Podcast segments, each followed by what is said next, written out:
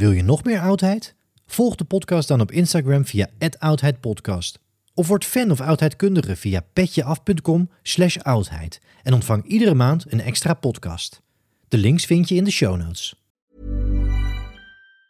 As a person with a very deep voice, I'm hired all the time for advertising campaigns. But a deep voice doesn't sell B2B. And advertising on the wrong platform doesn't sell B2B either. That's why if you're a B2B marketer, you should use LinkedIn ads. LinkedIn has the targeting capabilities to help you reach the world's largest professional audience. That's right, over 70 million decision makers all in one place. All the big wigs, then medium wigs, also small wigs who are on the path to becoming big wigs. Okay, that's enough about wigs. LinkedIn ads allows you to focus on getting your B2B message to the right people. So, does that mean you should use ads on LinkedIn instead of hiring me, the man with the deepest voice in the world? Yes. Yes, it does. Get started today and see why LinkedIn is the place to be to be. We'll even give you a $100 credit on your next campaign. Go to linkedin.com slash results to claim your credit. That's linkedin.com slash results. Terms and conditions apply. Ryan Reynolds here from Mint Mobile. With the price of just about everything going up during inflation, we thought we'd bring our prices down. So to help us, we brought in a reverse auctioneer, which is apparently a thing.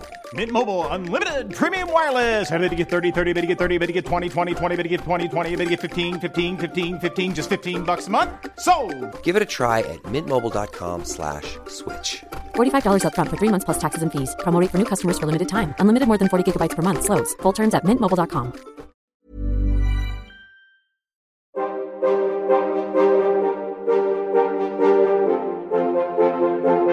oudheid is fascinerend. Een enorme puzzel waarvan we stukjes hebben. En heel veel stukjes ook niet. Al op de basisschool trokken de verhalen over het oude Egypte, de Romeinen, Griekse mythen, het oude China en het onderzoek naar al die oude culturen en mensen me als een magneet naar zich toe. En ik wil meer. Graag neem ik, Timo Epping, je in deze podcastserie mee op reis naar het verre verleden. Ik ga in gesprek met wetenschappers die ons in iedere aflevering een uurtje meenemen in hun eigen onderzoek. Hun eigen zoektocht naar de oudheid. Het is tijd voor de oudheid.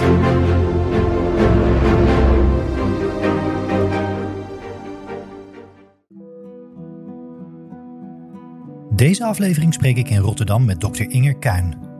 Inger is universitair docent klassieke talen aan de University of Virginia in de Verenigde Staten. In 2018 schreef ze Leven met de Goden, religie in de oudheid, verschenen bij Amsterdam University Press.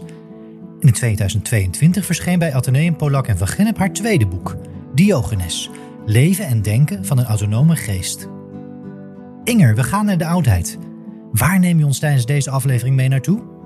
Nou, ik neem jullie mee naar, eh, naar het leven van Diogenes. Diogenes van Sinope wordt hij meestal genoemd. En dat is eind vijfde eeuw voor Christus, voornamelijk vierde eeuw voor Christus, eh, dat hij leefde. Hij werd geboren in Sinope, wat, eh, wat vandaag de dag in Turkije is. Maar hij spendeerde een groot deel van zijn leven in Athene en Korinthe, dus in de, in de oud-Griekse steden. Heel interessant. Je neemt ons mee op reis eigenlijk vandaag. eh, reis door een leven. Hoe is Diogenes eigenlijk in jouw leven terechtgekomen? En ja, in het verlengde daarvan, waarom zou, hè, om het maar als promotiepraatje te gebruiken, waarom zou iedereen die naar deze podcast luistert ook diezelfde reis of interesse misschien voor Diogenes op moeten gaan vatten? Ja, ik kwam Diogenes wat toevallig tegen. Mijn onderzoek gaat over oud-Griekse literatuur, maar wat later dan ehm, grote namen als eh, Sophocles eh, en Euripides, juist eerste, tweede eeuw eh, na Christus, de keizertijd. Want dan wordt er ook nog heel veel in het oud-Grieks geschreven. En dat is mijn, ja, mijn voornaamste expertisegebied eh, ehm, al langere tijd. En in die periode zijn mensen heel erg geïnteresseerd in Diogenes. Hij komt de hele tijd voorbij. Hij duikt de hele tijd op in allerlei teksten en verhalen. En daar bleef ik toen op een gegeven moment een beetje aan hangen. Wie is die figuur nou eigenlijk? En ook, ja, hij komt dan wel voor in veel teksten die niet zo ehm, bekend zijn. Eh, en mensen die, ehm, die gaan brieven uit zijn naam schrijven. En nou, dat zijn dat zijn best wel, die zijn bijvoorbeeld nog nooit in het Nederlands vertaald. Dus dat zijn best, ja, dat zitten we wel um, aan de obscuurdere kant van de, van de klassieke literatuur. En dat is waar ik het leuk vind. Daar, nou ja, daar bleef ik toen aan hangen. En toen, nou ja, is eigenlijk geen, toen ik daar zo over na ging denken, bleek er eigenlijk geen echt gangbare biografie van Diogenes te zijn. Zeg maar, ja, in het Nederlands, zeg maar gerust eigenlijk helemaal geen. Uh, ik ben inmiddels bij mijn eigen boekpresentatie gecorrigeerd in Amsterdam dat er wel een Nederlandstalig boekje is over Diogenes, al lang voor dat van mij. En dat, dat, is, dat is een. Dat is een ontzettend leuk boekje, maar het is een ja, vooral gefictionaliseerde vertelling um, over Diogenes. Dus toen ik het boek ging schrijven, dacht ik, er zijn nul boeken over Diogenes in het Nederlands. Dat is niet helemaal waar, maar, uh, maar een echte biografie was er toch uiteindelijk nog niet. En dat lijkt me eigenlijk wel nou ja, een desideratum, uh, zoals, uh, zoals uh, wij dat dan wel zeggen als onderzoekers. Omdat Diogenes ja, tijdgenoot is van heel veel ontzettend beroemde namen uit de oudheid. Dus hij is tijdgenoot van Alexander de Grote, van Plato, van Aristoteles. Maar in verhouding, ja, toch minder, minder aanwezig, minder gerespecteerd um, in, de, in de geschiedschrijving. En dat, nou, daar stelde ik wel vraagtekens bij. Ik dacht, waarom is dat eigenlijk zo? Hoe zit dat eigenlijk zo? En toen ik begon aan dit project, voelde ik zelf ook wel nadrukkelijke echo tussen zeg maar, de manier waarop Diogenes is. En, en wat ik daar dan mee bedoel, is dat hij heel erg provocerend is, dat hij heel erg anti-elitair is, dat hij ontzettend grote mond heeft, uh, dat hij heel erg performatief is, echt een aandachttrekker. En dat deed mij wel denken aan, aan ja, bepaalde succesvolle mensen aan het begin van de 21ste eeuw. Uh, vooral populistische politici en zo. Dus ik dacht, ja, is er gewoon een soort van gekke schelm. En, en hoe zit dat met dat uh, anti-elitisme? En wat moeten we daarmee? En dus ik, ik, was, ik was nieuwsgierig naar hem, maar niet per se op een heel positieve manier. Ik dacht, het is toch eigenlijk iets, ja, iets, iets gemakzuchtigs, iets, iets onaantrekkelijks, iets aandachttrekkerij, maar wel heel succesvol. En hoe zit het met dat charisma? Dus ik was nieuwsgierig naar dat charisma van Diogenes vanwege de echo met onze eigen tijd. En als eerste werktitel had ik ook zoiets van uh, leven tegen de elite of zo. En dat was, dat was hoe ik tegen het boek aankeek. En toen, ja, toen ging ik daadwerkelijk onderzoek doen voor het boek. En uh, meer over Diogenes nadenken en over zijn leven en zijn ideeën nadenken. En toen ben ik helemaal omgeturnd. Ik ben gewoon helemaal overtuigd door, um, door, door zijn ideeën en door zijn levenswijze. En uiteindelijk ja, erachter gekomen dat zeg maar, de gelijkenis met, met modern populistisch charisma, dat het echt maar een heel klein stukje van het verhaal is. En dat op een bepaalde manier ook een oppervlakkige gelijkenis is. En dat er, ja, dat er veel. Dat er echt, ja, there's something there, there. Dat er echt iets iets fundamenteels in het denken van Diogenes zit, wat waardevol en, en, en belangrijk is, volgens mij. Dus toen werd het, toen werd het een heel ander boek, uh, een heel ander soort verhaal. Ja. Is Diogenes daarmee persoonlijk in dat onderzoek voor jou uit de hand gelopen, zou je kunnen zeggen? Um, ja, dat denk ik wel. Ja, ja hij, hij is wel ja, hij is wel in, in mijn hoofd gaan zitten en naar binnen geslopen. En, het, en het, is, het is ook Um, ik had aanvankelijk een heel, ja, veel meer een historiografisch boek voor ogen. Van nou, ik ga gewoon netjes opschrijven hoe dat allemaal zat met Diogenes, wat de bronnen een beetje waren. En ja, doordat ik zo zijn gedachten goed werd ingetrokken, doordat dat toch veel interessanter bleek dan ik van tevoren had verwacht, is het ook een veel filosofischer boek geworden om, om recht te doen aan aan dat gedachtegoed. Ja. Ja, nou, interessant en mooi, met mooie resultaten ook. Uh, ik ben uh, heel erg benieuwd naar dat onderzoek zelf. Hè. Je had het al een paar keer aan. Ik ben dat leven ingedoken, die persoon ingedoken, zijn filosofie, van alles tegengekomen en hij is in je hoofd gaan zitten. Kun je ons nu hè, vanuit jouw vakgebied, jouw expertise, eens meenemen in dat onderzoek en in eerste instantie misschien een soort schets van nou ja, de persoon, de historische persoon Diogenes, ook wel door Plato de hond genoemd. Mhm. Maar uh, ja, kun je ons eens meenemen in wat kenmerken van dat leven en van de persoon? Ja, nou hij wordt dus ongeveer rond uh, eh, 14 voor Christus geboren in Sinope aan de Zwarte Zee in uh, Noord-Turkije, zoals ik al zei. En Wat we weten is, we weten de naam van zijn vader, dat is Icesias. En we weten dat zijn vader bankier was in de stad. Deed iets met een tafel. Deed iets met een tafel, ja, precies. precies. Dus, uh, dus het, het woord voor bankier uh, in het Grieks is trapezites. En dat betekent iemand die aan de tafel zit. Uh, en dat betekent dat je dus geld wisselt voor mensen. Op enig moment dat je ook krediet gaat verlenen.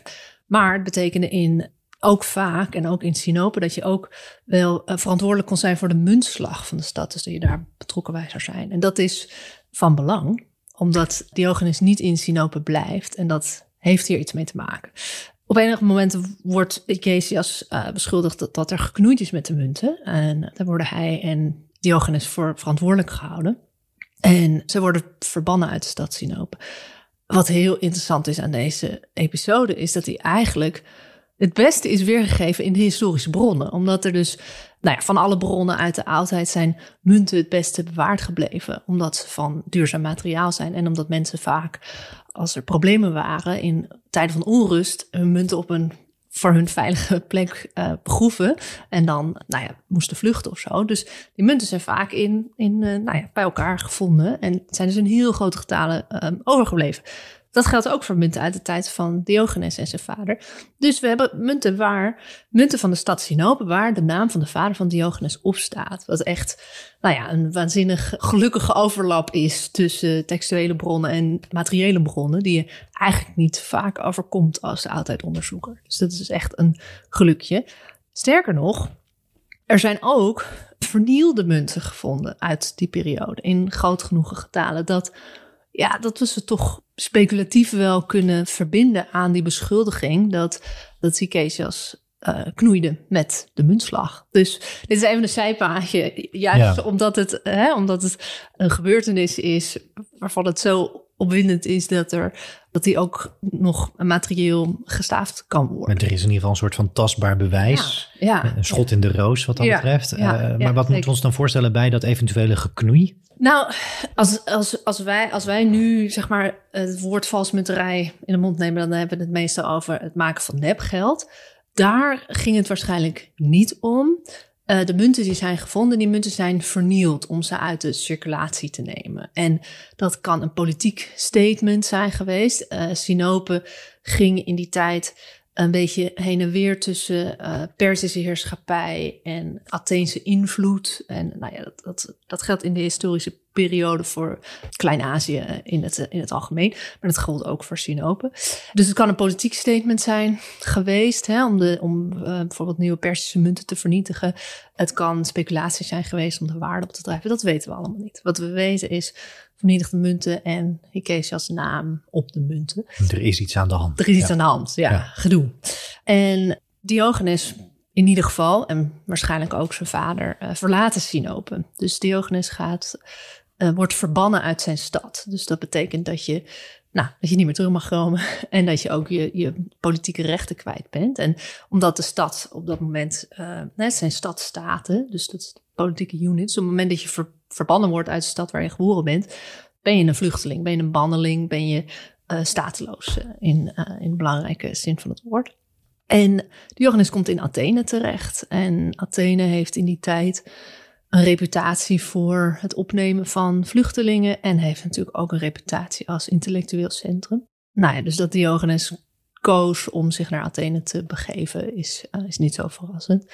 Hoewel ze dus zeg maar, zich ja, een bepaalde mate voor liet staan op het feit dat ze mensen van buiten opnamen, uh, betekent dat niet dat mensen ook uh, veel rechten kregen. Je, je, bleef, je bleef een een buitenstaander, een, een banneling in Athene. Je uh, mocht niet meedoen aan de volksvergadering. En kon bijvoorbeeld ook geen land kopen. Er zaten allerlei haken en ogen aan. Maar mocht er wel verblijven. En dat is dus de manier waarop Diogenes dan in Athene terechtkomt uiteindelijk.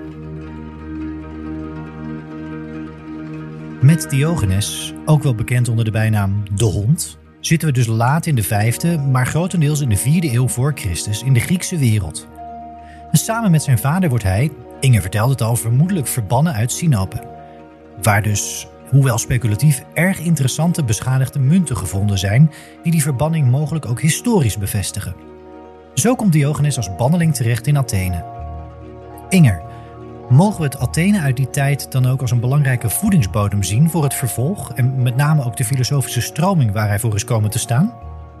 Ja, ik, de- ja, ik denk het wel. Kijk, we lopen nu eigenlijk al tegen de, tegen de grenzen van onze informatie op, zeg maar. De, de, de informatie die we hebben over Diogenes als filosoof... is dat hij in Athene in gesprek gaat met allerlei mensen... waaronder ook andere filosofen. En dat hij dan het meestal met hun oneens is. Dus, dus in, zeg maar, in die confrontatie, in die reactie... leren we iets over Diogenes' gedachtegoed. Ik zelf denk eigenlijk dat hij voordat hij naar Athene kwam, waarschijnlijk al filosofisch geïnteresseerd was. En dat Sinope was ook bepaald geen, geen kleine plaats. Eh, Het was ook een plaats waar veel handel werd gedreven, waar veel mensen van oost en west naartoe kwamen.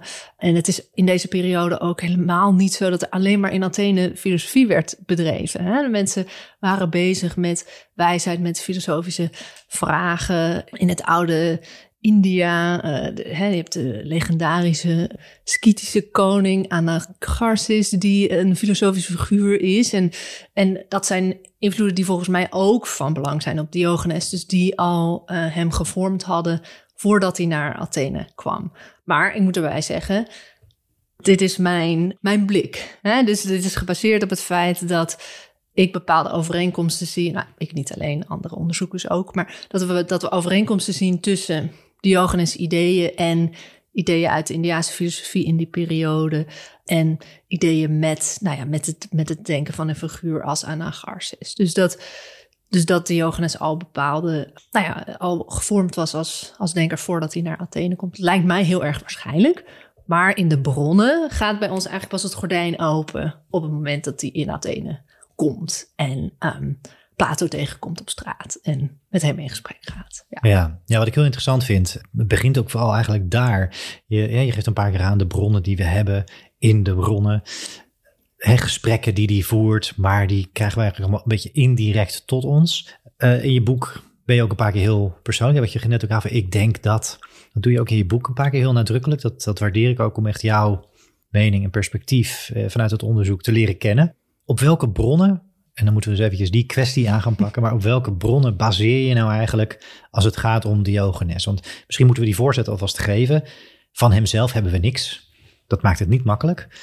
Maar hoe ben je dat aan gaan pakken? Welk corpus heb je als onderzoeker als je met Diogenes aan de slag gaat? En hoe vlieg je dat vervolgens aan? Hoe ga je dat onderzoek aan? Ja, nou voor mijzelf, zo, zoals ik aan het begin al aangaf, ik begon met bronnen uit een heel veel latere periode. Hè? Dus ik begon met teksten te lezen uit de derde, tweede eeuw na Christus over Diogenes. En dit is ook het moment dat er veruit het meeste wordt geschreven over Diogenes. En dan hebben we het over bijvoorbeeld ja, een, een biografie, een levensschets die over hem is geschreven door Diogenes Laertius, die heel veel filosofen uh, biografisch heeft behandeld. En met biografie bedoelen we dan nou ja, wat, wat details over iemands leven en dan vooral heel veel uitspraken, dingen die een filosoof gezegd heeft en korte, meestal heel erg in het oog springende uh, anekdotes, waarvan sommige geloofwaardiger zijn dan andere.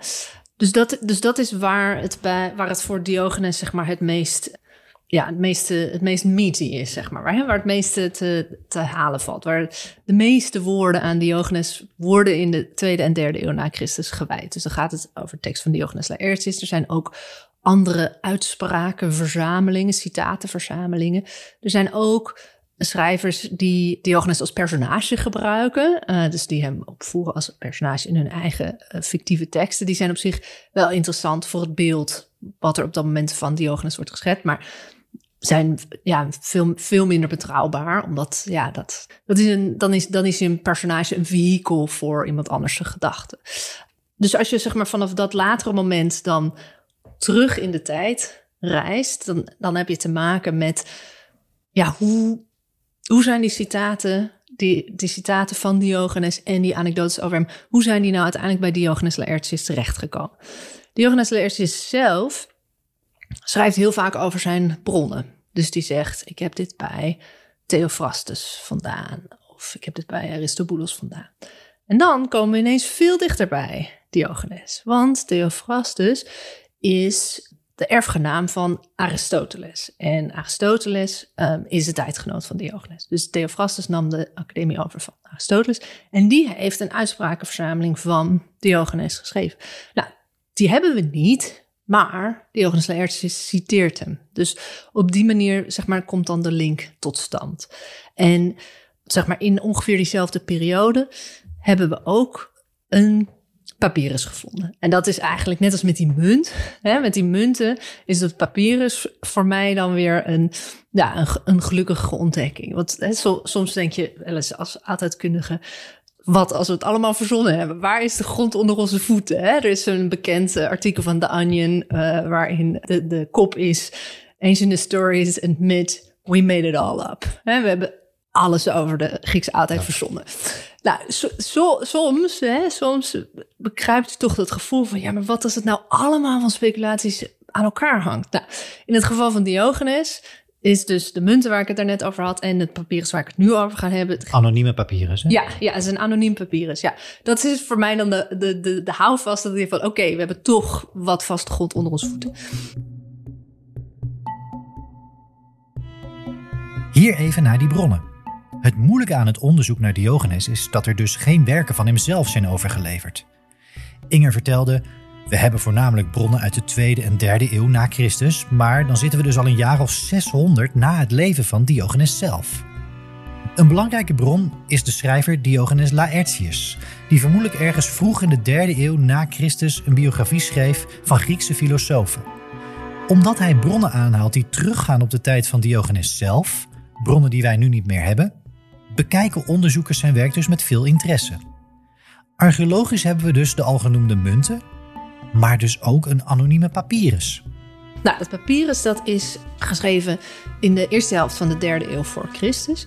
Uh, dus dat is nou ja, binnen, zeg maar binnen 70 jaar na het leven van Diogenes. Wat betekent dat de persoon die het geschreven heeft gesproken kan hebben met mensen die Diogenes zelf gekend hebben. Dus dat is voor, voor ons dan best een directe link. En uh, een papieren tekst kunnen we dateren. Hè? Dus we weten dan wel niet wie hem geschreven heeft, maar we weten wel wanneer die geschreven is. Wat in dit geval heel erg waardevol is, omdat we dus dichter bij de periode waarin Diogenes geleefd heeft komen en daarmee ja, toch meer betrouwbare informatie te maken krijgen. En in dat papyrus ja, worden een aantal anekdotes verteld over dingen die Diogenes heeft meegemaakt en die anekdotes lijken best wel op wat we later bij Diogenes Laertius lezen. Wat dus dan weer ons ja, vertrouwen wekt over de, de waarde van, uh, van de informatie die we zoveel later bij Diogenes Laertius terugvinden. Dus wat, wat in dat papyrus al staat, is dat Diogenes die bijnaam heeft dat hij een hond is. En dan ook nog specifieke ras, Molossische Mastiff. Wat een, nou ja, wat een, een, groot en agressief ras was. Uh, dat staat al in die papyrus. En um, hij maakt een, een, een, grapje over dat. Nou ja, hij, hij is in de, in de problemen met, met de autoriteiten in een plaatsje waar hij verblijft. En dan zegt hij in de rechtszaal: Ja ze vroegen mij waar ik naartoe ging. Maar ik vond het een belachelijke vraag, want ik zat op een stoel aan tafel. Hè? En zeg maar zo'n soort, zo'n soort grap, zo'n soort omdraaiing... waar Diogenes iets heel erg letterlijk neemt... en op die manier uitspraakt tegen autoriteit... is kenmerkend voor wat we uit die latere bronnen um, weten over zijn leven. Nou, dan kunnen we nog één stapje terug... en dan komen we gelijk bij de, de, de allervroegste bron over Diogenes. En dat is Aristoteles zelf. Die haalt in zijn eigen teksten, op een moment zegt hij iets over de hond, waar, nou ja, wat mij betreft, uh, eh, 100% zeker Diogenes mee bedoeld wordt. En hij haalt een, een grapje aan uh, dat Diogenes gemaakt heeft. En hij gebruikt dat als een goed voorbeeld van metafoor in zijn retorica. Dus dat is een retorische tekst van Aristoteles. En dat is, nou ja, dan zitten we bij een tijdgenoot van, van Diogenes die iets over hem zegt in zijn eigen werk. Weliswaar heel weinig, maar, uh, maar dat is de, de eerste bron. Een papyrus die ons mogelijk dicht in de buurt van Diogenes brengt. Fascinerend. We zijn nu uitgebreid op de bronnen en het begin van het leven van Diogenes ingegaan.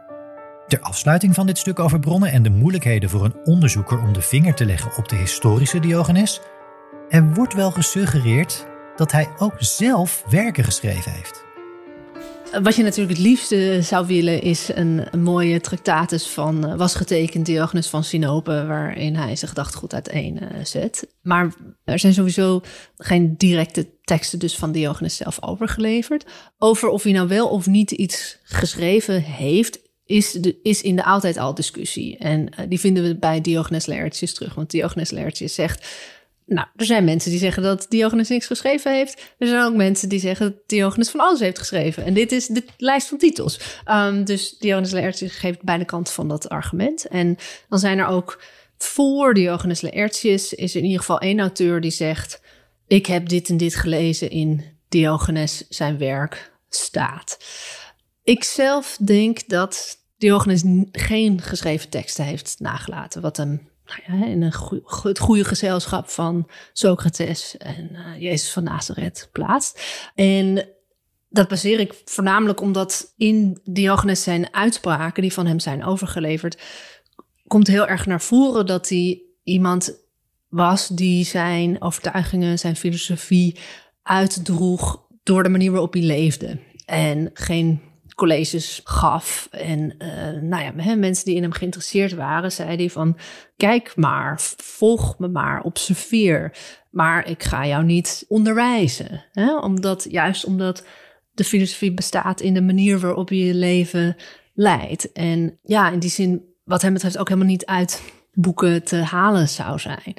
Hij maakt, ja, hij maakt uh, grapjes over uh, boekenwijsheid, over lange teksten. En nou ja, hoe, hoe nutteloos dat allemaal is. Dus op basis daarvan acht ik het waarschijnlijker dat, hè, dat hè, zeg maar op het moment dat, dat, iemand dan teksten van Diogenes citeert, dat het waarschijnlijk gaat over teksten die door volgelingen van hem zijn geschreven. Dus in die zin is dat nog wel de moeite waard. Interessant, omdat het ons iets zegt over het, het gedachtegoed van zijn volgelingen. Maar ik ben echt heel erg sceptisch over het idee van Diogenes als auteur. Ik denk echt dat hij zijn stempel wilde drukken met wie hij was en hoe hij leefde.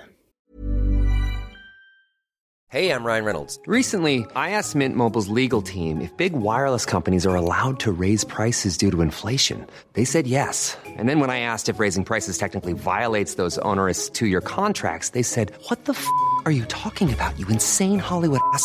So to recap, we're cutting the price of Mint Unlimited from $30 a month to just $15 a month. Give it a try at mintmobile.com slash switch. $45 up front for three months plus taxes and fees. Promo for new customers for limited time. Unlimited more than 40 gigabytes per month. Slows. Full terms at mintmobile.com. Ja, als we dan niet naar zijn werken kunnen kijken, laten we dan naar zijn leven kijken, naar zijn filosofie. Dan uh, komen we uit bij het cynisme, wat dan bekend is geworden als het cynisme.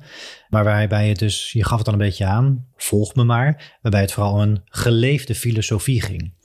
Kun je ons eens meenemen in dat, uh, dat verhaal, misschien een uh, ja, cynisme in een notendop aan ons, aan ons geven? Ja, zeker. Het woord cynisme gaat, gaat terug op Diogenes, op zijn bijnaam de hond. Het Griekse woord voor hond is kuon. En dat is dan in de genitivus kunos. En dan uiteindelijk via het Latijn komen we, in het Latijn worden de, de, de Griekse kappa's worden C's en die spreken we in het Nederlands zacht uit. Dus dan komen we bij cynisch uit. Dat hondse leven, dat cynische leven van Diogenes, draait om bijtendheid, eigenwijsheid, onafhankelijkheid, niet bang zijn voor autoriteiten, altijd op, op de eigen reden varen. Er zit ook een bepaalde uh, dierlijkheid in. Uh, dus hè, bijtendheid is, bijten is iets wat honden doen. Dier zijn is iets wat honden doen. Die dierlijkheid heeft te maken met leven in overeenstemming met de natuur. Zoals, uh, zoals Diogenes dat zelf zegt. En wat hij daarmee bedoelt is dat er zijn ook veel uitspraken waarin hij dieren observeert. Dus dan heeft hij, oh, ik, uh, ik zag een, uh, een muisje uh, en die muis die, die sliep gewoon in de open lucht. Waar heb ik dan een huis voor nodig? Hè? Dieren die eten wat ze in de natuur tegenkomen. Waar heb ik dan luxe, zoete lekkernijen voor nodig? Tegelijkertijd, dieren zijn niet, zijn niet beschaamd, laten zich niks aan culturele normen uh, gelegen liggen. Dieren leven niet in stedelijke verbanden over het algemeen. En zeg maar, dus Als, als Diogenes zegt leven in overeenstemming met de natuur, bedoelt hij in een bepaald opzicht leven in overeenstemming met de eigen natuur. Dus hij bedoelt niet per se dat, dat mensen hetzelfde zijn als dieren en dat ze hetzelfde moeten leven als dieren. Want hij, hij ziet wel het belangrijke verschil wat hem betreft. Dat, eh, dat mensen behept zijn met de reden en dieren niet. Maar dat wij als mensen te ver van ook onze eigen natuur af zijn gekomen. En, eh, ehm, en dat we zeg maar, ons bezighouden met zaken die alleen maar heel toevallig zijn. Dus voorbeeld is bijvoorbeeld dat je niet in het openbaar eet, omdat je nu eenmaal binnen in de huiselijke kring eet. Nou, Diogenes zegt ja, als ik honger heb terwijl ik op het marktplein ben, waarom zou ik dan niet eten? Dat zijn, dat zijn toevallige normen, zou ook best andersom kunnen zijn. Dus hij denkt dat wij als mensen ons het leven heel veel moeilijker maken dan nodig zou zijn. Hij zegt ook, eh, de natuur geeft ons zoveel te eten, geeft ons van alles wat we, wat we nodig hebben, waar we ons mee kunnen voeden. En we maken ons alleen maar zelf maar gek door te denken dat we parfum en, en zijdenkleding en dat soort zaken nodig hebben. Want als we dat nodig hebben, moeten zorgen dat we genoeg geld hebben om dat voor ons te kunnen verwerven. Nou, hè, dat kost stress om dat geld eh, bij elkaar te krijgen. Als we dan eenmaal al die kostbare bezittingen hebben, dan zijn we bang dat we ze kwijtraken, want we kunnen er eigenlijk niet meer zonder. Nou, dat levert nog heel veel meer stress op. En dan zegt Diogenes, als we nou eens tien stappen terugnemen, dan kunnen we met wat de natuur ons te bieden heeft, een heel sober, maar volstrekt bevredigend en toereikend leven leiden. En is het ook veel rustiger in ons hoofd, want we hoeven ons niet druk te maken over wat er gebeurt als we ineens onze goed betaalde baan kwijtraken, omdat we ons geoefend hebben in toe kunnen met weinig. Dus, nou ja, dus de kritische bijtendheid en het rondse teruggaan naar de natuur zijn, ja, zijn denk ik twee, twee hoofdpunten in, eh, in zijn denken. En gaan dus allebei, allebei terug op die bijnaam, die op een bepaalde manier heel speels en grappig is, ehm, maar, waar, maar ja, waar we wel serieuze achtergronden achter zaten. Ja. De hond. Diogenes. Dat beeld, vooral uit latere tijden dus, dat tot ons gekomen is, is er een van de man die in zijn pot, de Pythos, ook wel de grot genoemd, zit. En hij wil eigenlijk leven volgens het minimale. Hij wil vooral onafhankelijk zijn van alles en iedereen. Verder krijg je eigenlijk vooral de indruk dat hij, misschien wat kort door de bocht, vooral overal tegenaan wil schoppen. Inger, in hoeverre strookt dat beeld met het jouwe? Hij wil zeker tegen, tegen de dingen aanschoppen. En die onafhankelijkheid waar hij naar op zoek is, of autonomie, ook wel autarkie, zelfvoorzienendheid, is niet alleen materieel. Dus hè, hij wil onafhankelijk zijn van luxe en goederen, maar hij wil ook onafhankelijk zijn van andere mensen. Dus hij wil niet bij iemand in het krijt staan.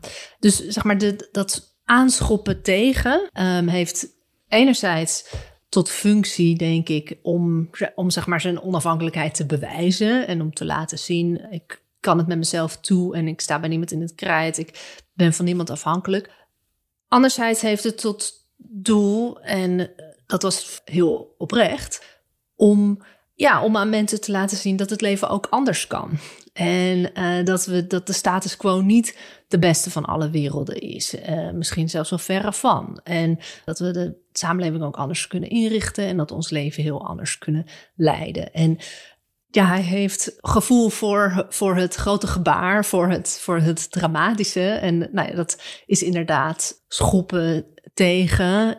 Hij naar verluid doet zijn behoeften in het openbaar. Naar verluid masturbeert hij in het openbaar. Praat daar ook gewoon over. En, en zegt, ja, wat, wat, wat is hiervoor te schamen als ik, mijn, als ik mijn seksuele behoeften op deze manier kan vervullen? Nou, geweldig, want ik heb hier niemand anders voor nodig.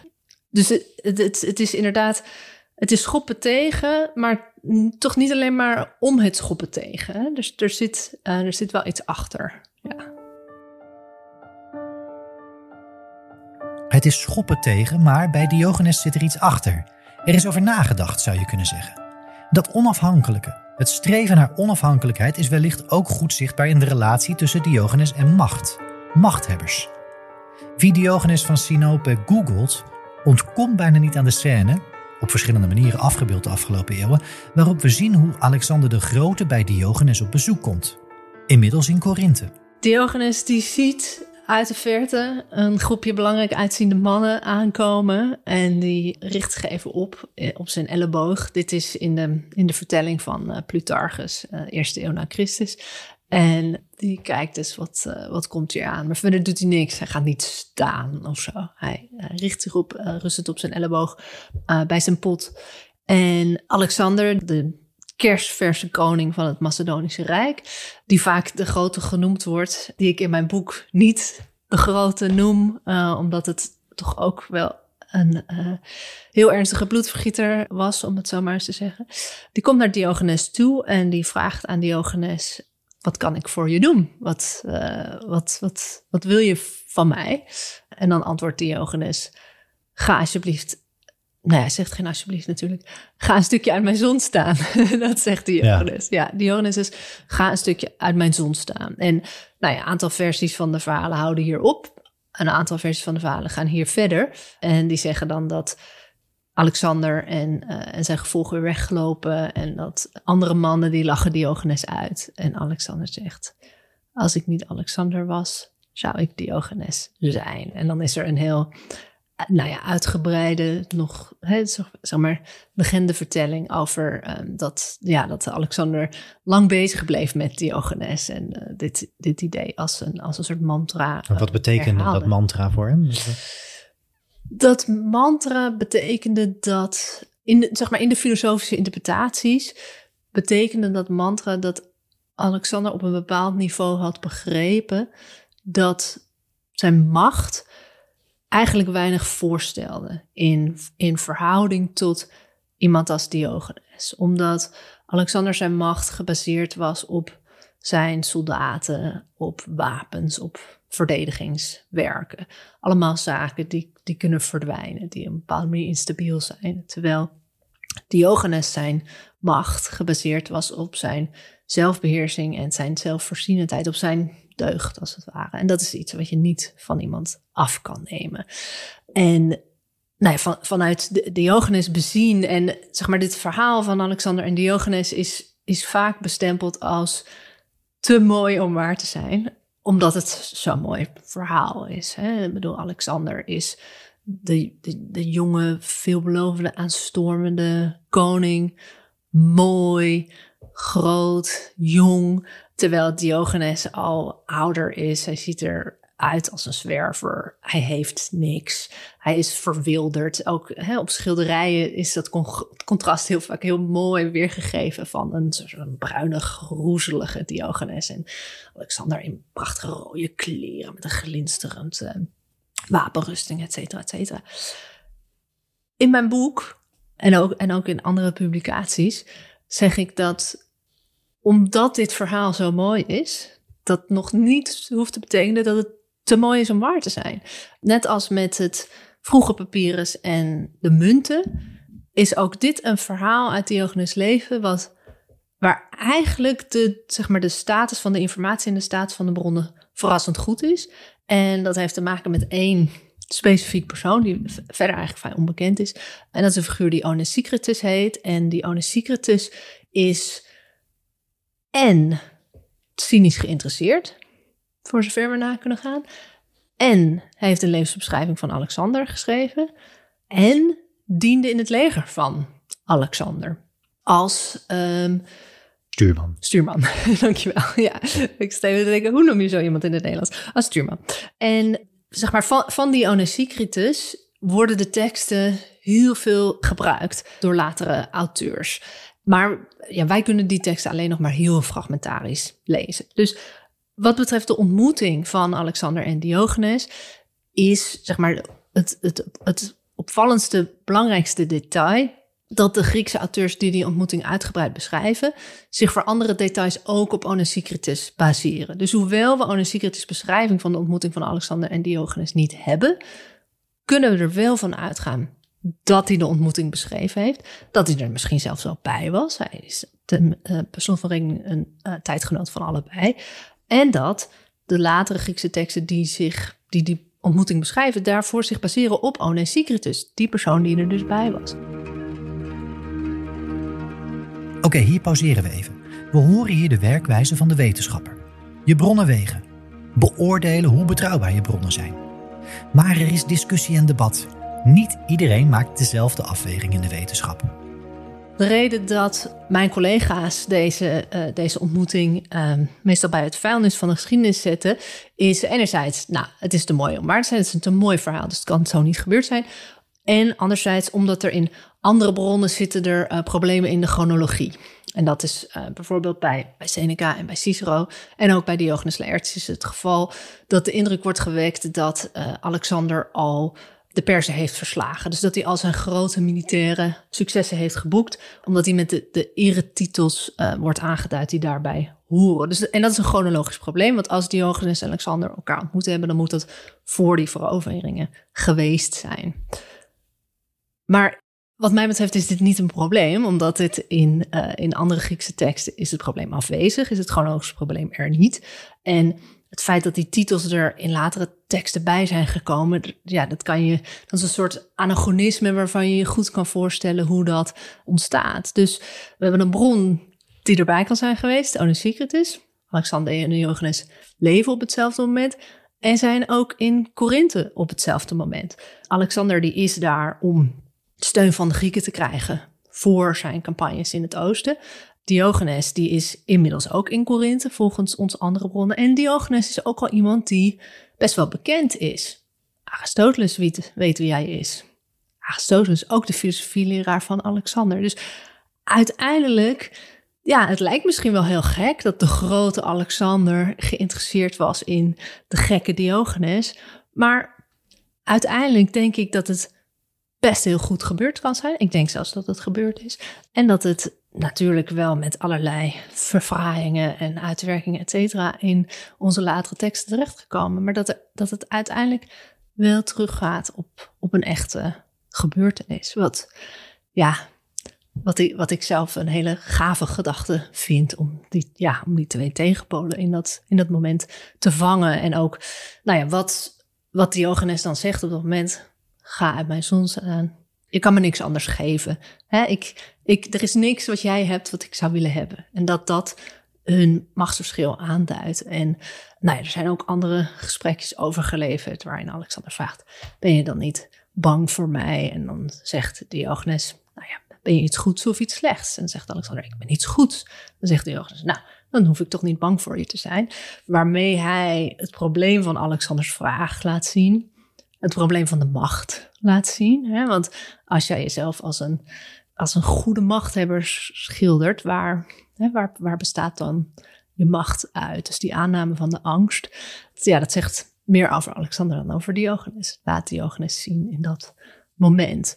En dat, zeg maar, die, die erfenis van Diogenes als iemand, uh, speaking truth to power, dus iemand die uh, zijn mond open doet tegen Alexander, is heel erg duurzaam. Hè? En zeg maar loopt door de hele Franse verlichting tot, in de, tot aan Foucault, tot in de moderne periode. Um, tot aan nou ja, een boek wat de Amerikaanse filosoof Martin Nussbaum vorig jaar heeft gepubliceerd, komt dat verhaal van Alexander en Diogenes ook weer in terug. Um, dus het is waarschijnlijk het meest duurzame beeld over Diogenes. Um, en ik denk dat, dat, het echt, dat het echt zo gebeurd is. Ja, fascinerend, heel interessant en dank voor de uiteenzetting.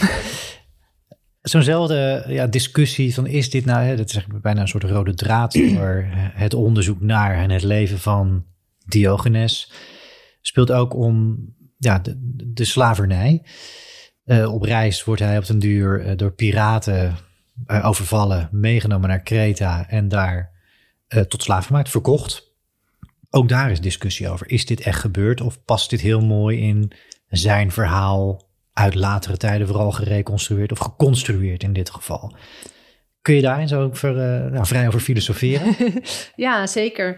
Het, het verhaal dat Diogenes tot slaaf gemaakt en dan verkocht wordt, wordt vaak gezien als een soort narratief um, instrument om Diogenes van Athene in Korinthe te krijgen. Hè? Want een deel van de anekdotes over Diogenes bezig af in Athene, een deel in Korinthe. Hoe komt hij nou van A naar B? Nou, dat is omdat hij aan iemand die in uh, Korinthe woont uh, verkocht wordt nadat hij tot slaaf gemaakt is. En daarom wordt het niet zo serieus genomen. Een andere reden dat het niet zo serieus wordt genomen is het, nou ja, toch het idee dat iemand van het kaliber van Diogenes tot slaaf gemaakt zou zijn. Hoe, hè, hoe kan dat nou? Uh, dat is waarschijnlijk verzonnen en dat komt dan weer heel goed uit, omdat zeg maar de, de term slavernij in onze filosofische bronnen van deze tijd speelt een hele belangrijke rol, omdat het enerzijds een letterlijke betekenis heeft.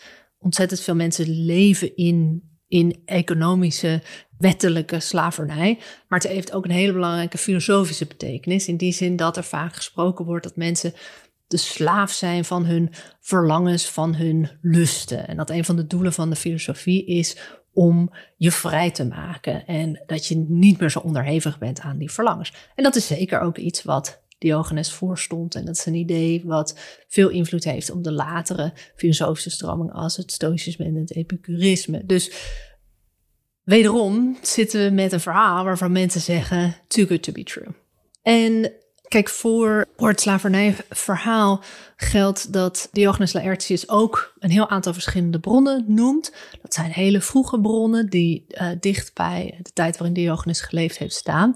Ik, heb, ik ben hier minder zeg maar, vol vertrouwen uh, bij als, als de, uh, dan bij de ontmoeting van Alexander en Diogenes, omdat ja, van Onesicritus zijn er bepaalde fragmenten overgeleverd. En hè, dus daar zijn we wat stabieler dan, uh, dan in dit geval. Maar alsnog acht ik het bijzonder waarschijnlijk dat Diogenes daadwerkelijk tot slaaf werd gemaakt. En ook langere tijd in slavernij geleefd heeft. En vanuit dat oogpunt zijn de dingen die hij over slavernij zegt heel erg interessant, omdat ze, uh, omdat ze heel erg verschillen van wat zijn tijdgenoten Aristoteles en Plato zeggen over slavernij. Maar ook omdat ze verschillen van wat zijn, nou ja, een soort van filosofische erfgenamen, zoals de Stoïcijnen zeggen over slavernij. En dat, nou ja, punt, om dat heel kernachtig te zeggen, zou je kunnen stellen dat Plato en Aristoteles naar slavernij kijken vanuit het oogpunt van de slavenhouder. Hoe kunnen we dit het beste regelen?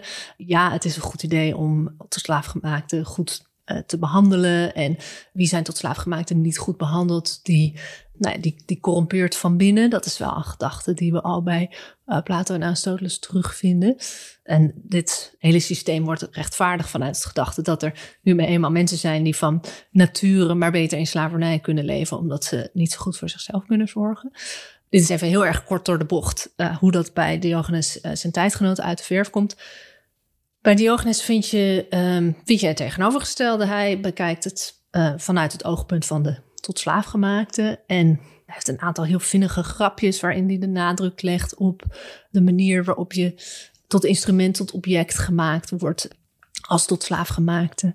Hè, uh, als het gaat over een, een tot slaafgemaakte die is weggelopen, uh, zegt hij, nou, als je niet kan leven zonder je tot slaafgemaakte, wie ben je dan eigenlijk? Dus, hè, dus er zit daar een veel dat, hè, het, gaat, het gaat er dus niet om de, de mate waarin je je eigen ziel beschadigt door je tot slaaf slecht te behandelen. Het gaat erom dat je je eigen ziel beschadigt door mensen tot slaaf te maken. Hè? Dus het is een heel veel fundamenteler standpunt wat we bij Diogenes terugvinden dan bij zijn tijdgenoten. En ja, als we dan bij de latere filosofische stromingen kijken, dan zien we toch wel, ja, die wettelijke slavernij doet er eigenlijk niet zo toe. Het gaat er alleen maar om of je in je ziel wel of niet vrij bent. Dus dan gaan we naar het veel, veel abstractere uh, standpunten. En, en, en dit is weer een moment waar, ja, waar je een soort van een, een, glimp van een uh, aanknopingspunt ziet. Uh, Aristoteles die zegt, er zijn mensen, ik ken mensen die slavernij als zodanig onnatuurlijk en raar vinden. En als je Diogenes zijn uitspraken zorgvuldig en langzaam leest, dan blijkt daaruit dat hij slavernij onnatuurlijk vindt. Slavernij als zodanig onnatuurlijk vindt. Dus zelfs het moment waarop Aristoteles zegt: hè, ja, niet iedereen denkt er zo over als ik. Er zijn echt mensen die het heel raar vinden. Ik denk dat hij daar misschien wel eens op Diogenes zou kunnen doelen. Wat ons dus nog weer meer een, ja, dat is dan nog weer een heel vroeg moment waarop we misschien al een, een, een glimp van, van Diogenes zijn gedachtegoed op kunnen vangen. ja, dit is, dit is iets wat, um, wat, wat, wat, lastig, wat lastig echt te bewijzen is. Maar ja, wat, wat mij betreft is het wel, spreekt het wel erg tot de verbeelding. En het, nou ja, het laat ook zien dat het- zeg maar het argument van de maatstaven van de tijd. Dat eh, als, als vergoeilijkend argument wordt gebruikt. Nou ja, Aristoteles die zegt zelf... niet iedereen denkt er zo over zoals ik. Hè? Dus, dus er is wel degelijk een debat. Alleen, ja, Aristoteles' standpunt kunnen we wel in zijn eigen woorden... in zijn eigen tekst lezen. Maar dat van, van Diogenes moet, moeten we reconstrueren... en heeft, ja, heeft daardoor in de geschiedenis van de filosofie... een andere status gekregen.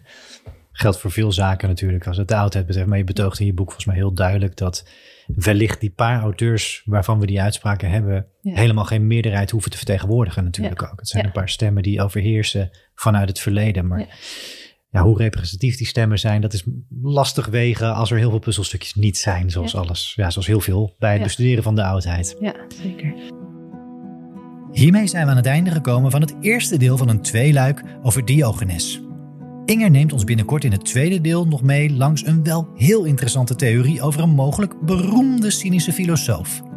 En daarnaast bespreken we ook nog het verschil tussen cynisme als filosofische stroming tegenover modern cynisme.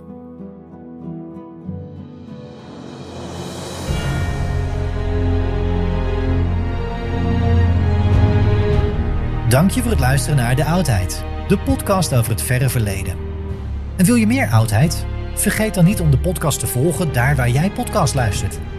Iedere nieuwe aflevering verschijnt dan automatisch in je feed. Likes en reviews worden uiteraard gewaardeerd en vergeet vooral ook niet om de podcast met iedereen die jouw interesse deelt te delen. Heb je ideeën of suggesties voor de podcast? Mail dan naar info@eppingproductions.nl.